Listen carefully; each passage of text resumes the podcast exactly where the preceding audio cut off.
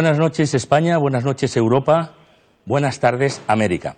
Saludos cordiales a los que nos siguen a través de Internet desde cualquier parte del mundo. Gracias por confiarnos la organización de este cara a cara. Saludos, entramos en este cara a cara mmm, para aprender muchas e interesantes eh, cuestiones. Mm, Diego Núñez, bienvenido. Gracias. Y gracias por acercarte hasta Pontevedra Viva Radio. Él es eh, coach deportivo. Eh, su trabajo más reciente ha estado esta última temporada en la Sociedad Deportiva Teucro junto a Quique Domínguez. Eh, hemos querido que, contar con él aquí en estos micrófonos para conocer el, trabajo que realizan estos eh, profesionales concretamente en el ámbito deportivo, es decir, los coaches deportivos, ¿no? porque coach a día de hoy hay prácticamente en, en todos los ámbitos. ¿no? Mm. Eh, y, lo primero, por conversaciones previas que, hemos eh, tenido y que yo he sido la primera en, en caer en ese error. Así que para evitar que a vosotros os pase lo mismo, eh, Diego, ¿cuál es la diferencia entre el coach deportivo y el psicólogo deportivo? Bueno, el, el, coach deportivo trabaja sobre, sobre temas concretos, objetivos concretos. Es un poco más, en mi caso, eh, te hablo en mi caso porque, porque también es todo muy genérico. Yo trabajo más la inteligencia emocional, porque bueno, estudié inteligencia emocional en la Universidad de Barcelona y, y, me gusta mucho más. Eh, pero bueno, fundamentalmente el psicólogo deportivo lo que trabaja es sobre el, sobre el rendimiento, ¿no? Cómo, cómo puede hacer que ese jugador a nivel de rendimiento, por tanto, cómo mejorar técnico y tácticamente, junto con el entrenador, ese ese, rendimiento. En mi caso, pues lo que trabajamos más es la, la gestión emocional, que creo uh -huh. que, que, me parece más interesante, sobre todo la, a, a, nivel de, de, de, profesionales ya. A nivel de base, bueno, pues eh, la corrección técnico-táctica me parece interesantísima también, pero a nivel profesional creo que, que un profesional tiene sus pros y sus contras, tiene sus, eh, sus fortalezas, sus áreas de mejora, y ya creo que es muy complicado a ese nivel trabajar esa parte táctica, técnico-táctica. Uh -huh. Por tanto, estamos hablando mmm, que hay que preparar eh, luego iremos eh, si al deportista o, a otras partes también de las entidades deportivas. Pero eh, hay que preparar al, al, deportista no solamente físicamente, sino también mentalmente. Esto ya está asumido en las entidades deportivas. Bueno, se habla mucho de se habla mucho de eso, de que mentalmente no estuvimos al punto, nos venimos abajo, pero no, no se habla, o sea, sí se habla, pero no se trabaja de forma específica. Un poco el entrenador, pues los entrenadores trabajan esa parte por su experiencia y demás, que me parece correcto, pero no se apoyan en un, en un profesional para trabajar esa parte básica eh, sobre, la, sobre la parte mental. Entonces hay entrenadores que sí, pero yo creo que los, que los equipos todavía no están muy concienciados eh, en ese tema. Y da igual que sea un equipo de alto rendimiento o como, como equipos de, de, bajo rendimiento. Entonces, bueno, es una figura que está ahí emergente, es una figura que, que está un poco, bueno, que tampoco muy, muy clara cuál es, cuál es la función, porque socialmente se asocia psicólogo, más todavía, coach menos, asocia menos a, tema mental, eh, pero psicología sí, la psicología se asocia un poco a que si una persona tiene que ir al psicólogo que está mal. Entonces, como en esta sociedad nos han dicho que no puedes ser vulnerable, no puedes mostrar tus debilidades, no puedes ser porque si no te, pisan, bueno, pues es un tema un poco tabú, en mi opinión. Curioso. Eh, y en una entidad eh, deportiva, entonces, en, en, un caso como el tuyo, un coach deportivo, eh, ¿es necesario o, se, o, se, plantea el trabajo solamente con los jugadores, eh, también con, con, el entrenador, con los directivos, con, con todas las partes? ¿O cómo, cómo es? Bueno, el trabajo. Sí, eso sería, eso sería el, lo ideal. El cuento Blancanieves, sí. Sería lo ideal. Eh, en, en, mi caso concreto, eh, cuando Quique contactó conmigo, si quería trabajar, eh, hicimos una línea de trabajo. Y la línea de trabajo que marcamos fue trabajo liderazgo, trabajamos juntos con el entrenador y lo que nos interesaba mucho era cohesión de equipo y trabajo de, de, de, gestión emocional, trabajo de recuperación del estrés, no trabajo de la caída, porque eso es más difícil controlar la caída, pero sí eh, acortar los tiempos de recuperación mental en un partido de un jugador. ¿no? O sea, ese tiempo que el jugador está en bucle, que, que, que, entra en su dinámica, he fallado porque he fallado y me quedo enganchado ahí, que eso lo que hace es una sobremotivación, pues trabajar esa parte fundamentalmente. O claro, lo ideal sería lo que tú dices, trabajar con la directiva, trabajar con, todo el mundo, porque a veces es complicado el trabajo que estás haciendo y, como, como si no se trabaja inteligencia emocional en otras partes que no sea eh, los jugadores, pues incluso son piedras que se ponen en el camino. Eh, mm, con, ese estrés que, decías, ¿no? Estoy, mm, se me pasaba por la cabeza entonces que mm, será muy importante, o, no, tú me sacas del error, trabajar el concepto eh, éxito, derrota, que es algo a lo que están enfrentados día a día un deportista. Sí, estamos claro. Se asocia éxito al resultado. y por, porque, porque estamos en una... O victoria-derrota, más que éxito, perdón. Sí, victoria-derrota. Bueno, porque estamos en una sociedad dual, bueno-malo, guapo-feo, victoria-derrota, entonces siempre hay términos opuestos. Eh, ¿El éxito está en el resultado? Bueno, si estás en una competición deportiva, el resultado es importante, claro, claro, porque ¿qué quieres? Pues mantener la categoría y eso se, se consigue a base de resultados. Eh, pero yo creo que, que, que no es el objetivo el resultado. Si trabajas el, si vas al resultado, si vas al, a, concretamente al resultado, ¿qué pasa, por ejemplo, si tú llegas y dices, bueno, estamos enfocados al resultado y en, los cinco primeros minutos pierdes 7-0? ¿Qué hacemos? Nos vamos para casa ya, le damos la mano al equipo contrario. Por tanto, eh, el resultado tiene que ser consecuencia de de consecuencia del juego, de estar en el juego, de trabajar mentalmente, de seguir ahí y consecuencia de eso tienes un resultado. Si tú has trabajado eso bien, la parte física, la parte táctica, la parte mental, y pierdes, hay que felicitar al, al rival, no has fracasado. El, éxito, el fracaso, el perder no es sinónimo de fracaso. Pues, pues no vamos muy bien, ¿eh? tal y como va el, sistema planteado entonces eh, actualmente. Y ¿Cuáles eh, dirías, mm, por, por, tu experiencia o, en la teoría, no lo sé, eh, las mayores eh, barreras o obstáculos que, se encuentra un coach a la hora de, trabajar con, un deportista? Mm, bueno, en primer lugar, la, falta de confianza. Llegas a un vestuario nuevo, trabajas una parte vulnerable, porque nos sentimos vulnerables cuando estamos hablando de nuestras emociones. Entonces tienes que, tienes que generar confianza. Tienes que generar confianza. Eh, una vez que se genera la confianza, todo, todo, todo fluye. Pero la primera parte es importante, la generar confianza. Que, que, que ellos entiendan que tú no estás allí para, para, ponerte medallas, que tú estás allí delante para quitar piedras del camino, que los importantes son ellos, que, los, que, que, que, los, que, las estrellas son ellos, que ellos son los que juegan, que lo importante es lo que ellos hagan, no lo que hagamos nosotros, y generar esa confianza para que ellos tengan la seguridad. Es el, es el círculo de la intimidad. Yo te doy seguridad, tú me das confianza. Eh, hay que trabajar uh -huh. esa parte. Entonces, eh, pensando en, en, deportistas ya de, de más alto nivel, ¿no?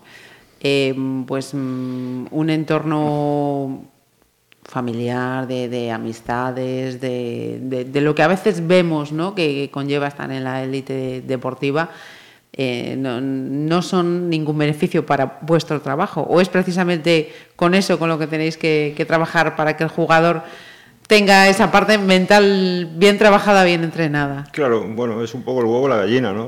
o sea, nos quejamos de que, de que, no se, que los jugadores no, no, trabajan la inteligencia emocional o no se trabaja la inteligencia emocional.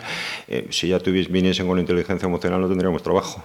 Uh -huh. Entonces, eh, sí, el entorno condiciona la, la conducta, la, el entorno condiciona la conducta de las personas. No sería, tú no serías igual habiendo nacido en Pontevedra, que no sé si has nacido aquí, que, que, habiendo nacido en la selva brasileña, uh -huh. por ejemplo. Claro que el entorno nos condiciona.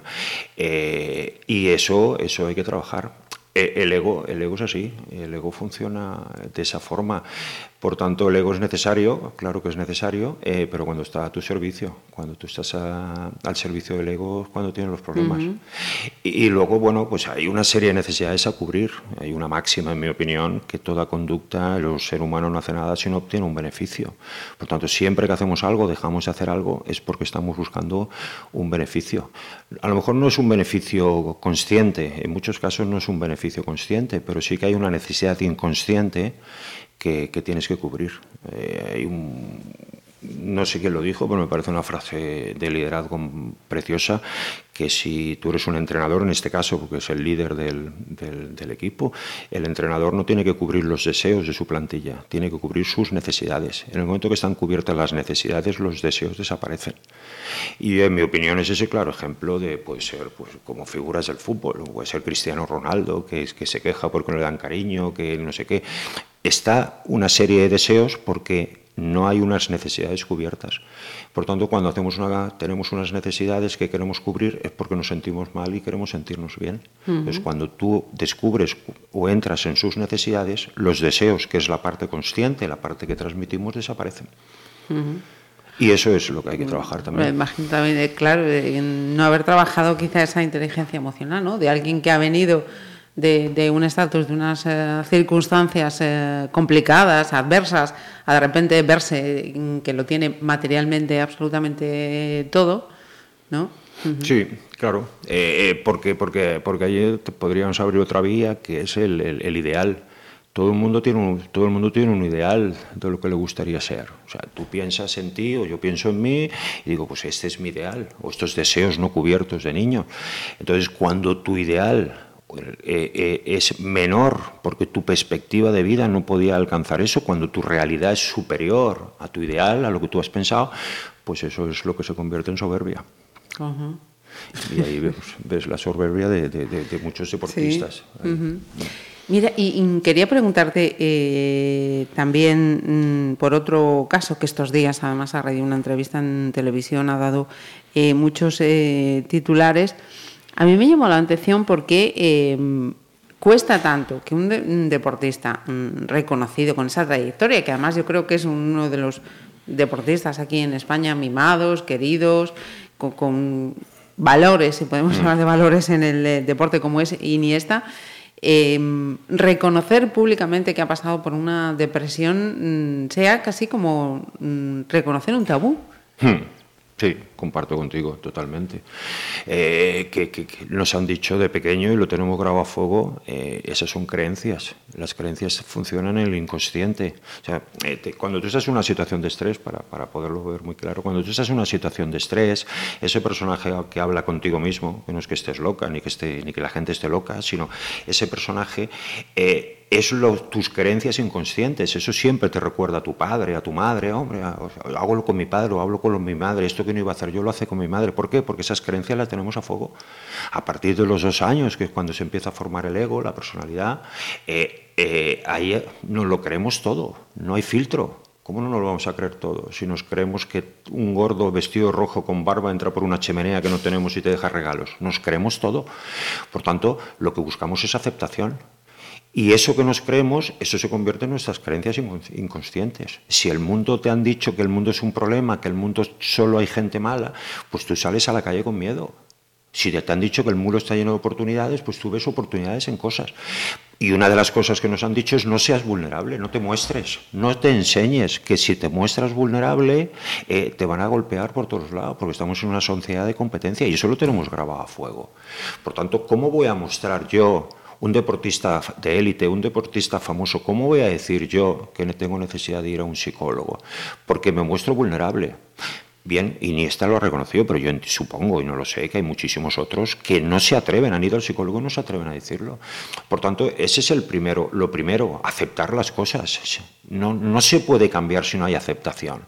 Eh, tenemos, un, tenemos un chip, creo, en mi opinión, mal entendido. O sea, no me gusta esto de mí, me quito, el, me quito el disfraz, me pongo este, que es el que me gusta, y voy por la vida. No, primero tienes que aceptar como eres y cuando aceptas como eres, cuando lo subes al consciente, es la forma de que eso se pueda soltar, de que eso pueda cambiar. Eh, pero son creencias sociales que están a fuego grabadas. Y entonces nos cuesta mucho entender eso, porque es sinónimo, repito, de, vulnerabilidad, de debilidad. Y estando tan expuestos además a la opinión pública, la vulnerabilidad todavía es mayor. Claro. Eh, eso también eh, nos evidencia, y de alguna manera lo has dicho en este, en este tiempo que llevamos de, charla, que mm, el éxito no da la felicidad, pese a lo que el entorno de la sociedad nos quiere hacer creer. El éxito como resultado, no. El éxito como, como, como mejora de vida, sí. El éxito, lo que pasa es que se asocia eso al resultado. Claro, tenemos el concepto erróneo. Claro. ¿Qué, eh, gran éxito de la selección española. Ha ganado el Mundial. Bueno, bien, sí. Pero el éxito no significa que, siempre se gane. Tú puedes tener éxito y perder. El, fracaso no está asociado a la derrota. El éxito no está asociado, por consiguiente, a la, a la victoria. A la victoria. O sea, si tú eres mejor que ayer, en tu programa aquí, has hecho una entrevista, has fluido, has salido contenta, has tenido éxito. ¿Que la entrevista no le gusta a la gente? No depende de ti. Sí, claro, ya, me gustaría, efectivamente. No depende de ti. Por tanto, que tú pierdas un partido no depende de ti. Si todos los condicionantes son propios, sí, pero si hay un equipo contrario, o sea, tú puedes hacer un partidazo, el Chelsea puede hacer un partidazo y lo hizo aquí con el Barcelona, lo hizo aquí. La gente le silbaba porque Quique decidió jugar con siete jugadores, sacar el portero desde el primer minuto. La gente no lo entendía. Bueno, pues eso fue un éxito deportivo. La gente no solo la gente de aquí. Yo estaba luego lo escuché y el comentarista decía que Quique estaba loco, pues se le ha habido la olla sacando siete porque metieron cuatro goles seguidos de portería a portería. Bueno, pues fue un éxito deportivo. Él se jugó, él hizo un planteamiento y en mi opinión fue un éxito deportivo. Y luego al final del partido la gente lo entendió. Bien, y si la gente no lo entiende, pues él se ha sentido feliz. ¿Por qué? Porque ha, hecho un planteamiento, ha hecho eso y ha sido consecuencia. Por tanto, eso es éxito. Em, hablando de, de Quique Domínguez, ya que, estamos mencionándolo, ¿no? Em, es, un técnico, entonces, de alguna manera em, avanzado a la mayoría de, este momento, ¿no? Porque no todos están eh, preparados o con, con ese planteamiento de decir necesitamos un coach deportivo para entrenar también la parte mental, emocional de nuestros jugadores. Es algo que todavía, decíamos al comienzo de esta charla, no está asumido, interiorizado de forma generalizada. Mm, no tengo mucho control del, del, balonmano. La verdad es que no, no, no, no sé. Pero creo que sí, pero al final no es que sea un técnico avanzado, es que en mi opinión es que es una persona con inquietudes, una persona eh, que, es fuerte mentalmente. Por tanto, cuando alguien es fuerte y no es mediocre, eh, entonces se junta, eh, busca gente que puedan sumar. El problema de, de este país, creo, en mi opinión, y deportivo supongo que también es la mediocridad que los mediocres buscan mediocres para que no le quiten el sitio, desde la política hasta donde quieras verlo. Entonces, cuando tú no eres mediocre, cuando tú te muestras vulnerable, cuando tú sabes cuáles son tus limitaciones, cuando tú sabes que eso, eso puede ayudar desde tus creencias, no significa desde la verdad, desde su verdad, me parece una persona valiente. Yo le tengo mucho respeto y admiración eh, aquí que como profesional, como profesional y como persona. Ajá. ¿Y, esta etapa en el Teucro para ti eh, ha sido exitosa dentro de este eh, línea que, estamos eh, pues para mí sí para mí para mí sí. Ahora luego si me entrevistas dentro de dos horas te lo diré porque, ahora tengo una reunión con Quique para cerrar el eh, sí he quedado con él para, para precisamente para eso para hablar de, de, lo que de las fortalezas de lo que creemos que, que hemos hecho bien eh, de lo que creemos que, se podía mejorar, con lo cual eh, importante, y de lo que creemos que no se ha hecho y se debería hacer. En mi opinión, eh, eso es el crecimiento, el feedback. Lo otro es dorarte la píldora. lo importante es las áreas de mejora. En mi opinión, sí. En mi opinión, sí que, sí que, no porque el equipo se haya mantenido, que también estamos, yo por lo menos me siento muy orgulloso, no por mí, me siento orgulloso por por los chavales. El presupuesto, como sabéis, no era, de, no era para tirar cohetes. Eh, nunca, y eso lo dijo Quique, yo no, no, fui consciente hasta que lo dijo él, nunca estuvimos en puestos de descenso. El vestuario no sé qué palabra utilizar, eh, adversidades todas, lesiones todas, eh, problemas todos. Eh, la unión del vestuario ha sido espectacular, el apoyo, el, trabajo, el, uno, el vamos, el, sacar adelante, y para mí eso es un éxito. Sí. Mira, y mm, entiendes, a mí yo por lo menos la, opinión la tengo ya, mm, creo que formada, sí, sí, sí.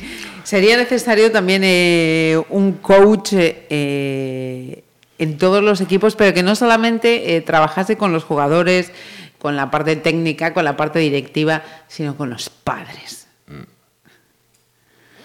Claro, es que son las, son las, son las tres, son las tres partes, son es el triángulo. Mm, cuando, cuando un chaval te viene, cuando un chaval viene a hacer deporte, eh, tienes, tienes un, es como un río, tienes, tienes, dos, tienes dos, dos, orillas. En un lado está la formación, llámese colegio, y lo puedes pasar a los colegios, profesores, llámese entrenadores, y por otro lado tienes el padre. Por muy buen muro de contención que tengas aquí, por muy bien trabajado que tengas este muro, que puede ser la formación, el colegio, el equipo, si este muro, el, otro lado, no está, el río desborda. Entonces, claro, es fundamental. Es fundamental y no puede haber, y no puede haber luego eh, incongruencia en el mensaje del padre y el mensaje del, del, formador, o del coach, o del equipo, del entrenador. no, no puede haber.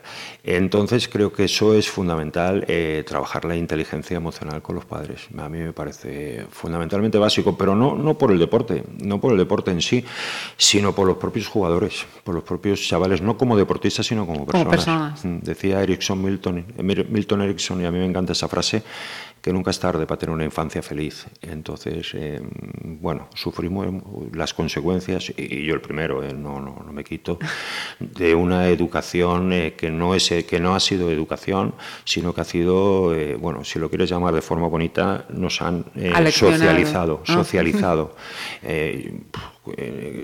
y entonces, claro que hay que decir buenos días, claro que hay que decir buenas tardes, pero ¿qué pasa cuando el barco de la vida te da la vuelta? Qué pasa cuando tienes una pérdida, qué pasa cuando tienes un revés en la vida. A eso no tenemos, no tenemos herramientas. Y yo creo que, que, son lecciones de vida. Si el deporte vale para lecciones de vida, pues bienvenido sea. Fíjate, me quedo con, con, la sensación de que mm, tenemos ese suspenso en esa asignatura que, que nos imparte, que es, que es la inteligencia emocional. Sí, bueno, eh, claro, si al final si, tiras de que tú estarás más informada que yo, si tiras de, de medicación, ¿cuáles son los que más se venden? Pues antidepresivos. Entonces, ¿qué más quieres que digamos ya?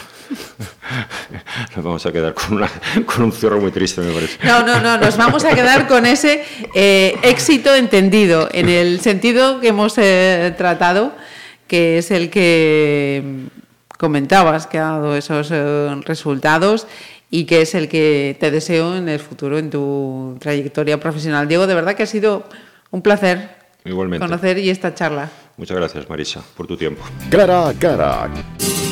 Mira la cara a cara, que es la tercera. Cara a cara. Pontevedra Viva Radio. Oh.